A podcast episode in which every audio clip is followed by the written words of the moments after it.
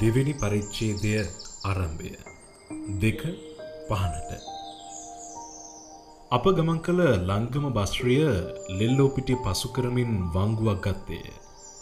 දිනක් අප රක්වන් නැන්දලගේ ගෙදර ගොස් කොළඹ සන්නිය නම් වූ හිනහා යන්න චිත්‍රපටේ බලායන අතරදී කිරියම ජෝබී වික්‍ර මහත්‍යය ගැන කියද්දී මේ ලෝපිටිය ගැන කිව මතකය.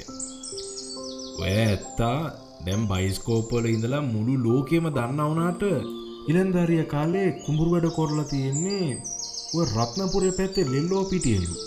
සබරගම මනුස්සේ. ඌන් බලාපං ඒක හැටි. බයිස්කෝ ප්‍රංගපාන්න උපං අපන.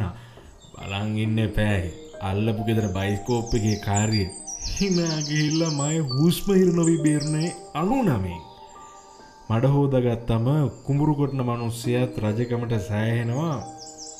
කියලා කෞුද සුදුමාත්තෙක් පොතගලියල තියෙනවලුනේ ඒ කතාව හරින එන්න මං ඌමනාගතුව බස්්‍රී ජනලින් පිටත බැරවිමි.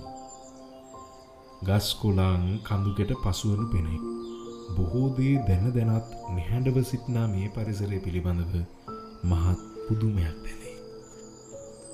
මාසල වාඩිවියන තාත්තාගේ දෙපා මට පෙනේ.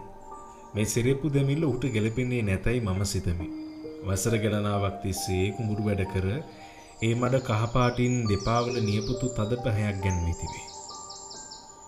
ඇගිලි ඇදවී සෙරෙප්පුවලින් එලියට පැන ඇත. අපේ ආතා ඉද්දී ඔහුගේ පාදවල ඇගිලිද මේ වාගේමය. ආතා නැතිවී දැන් වසර තුනක් පමණ ගත වී තිබේ. උදේ පාන්දර සුදුවෙලිය වැටෙන්න්නටත් පෙර උදැල්ලද රැගෙන කුඹුරට යන ආතා යළි ගෙදරෙන්නේ රාත්‍රී කරුවල වැටුණාටත් පසුවය. අපි ඔහුට කහටත් දවල් කෑමත් කුඹුරේ පැල්ට ගෙනකොස් දෙන්නෙම.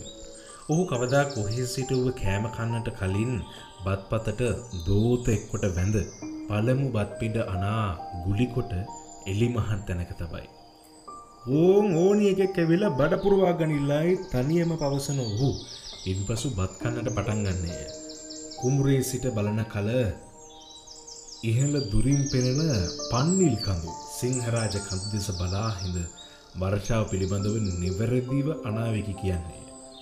අදනන් හවස ඉන්තේරුවටම බහිනවා. තව දවස් තුන හතරකට වහින්නේ නෑ.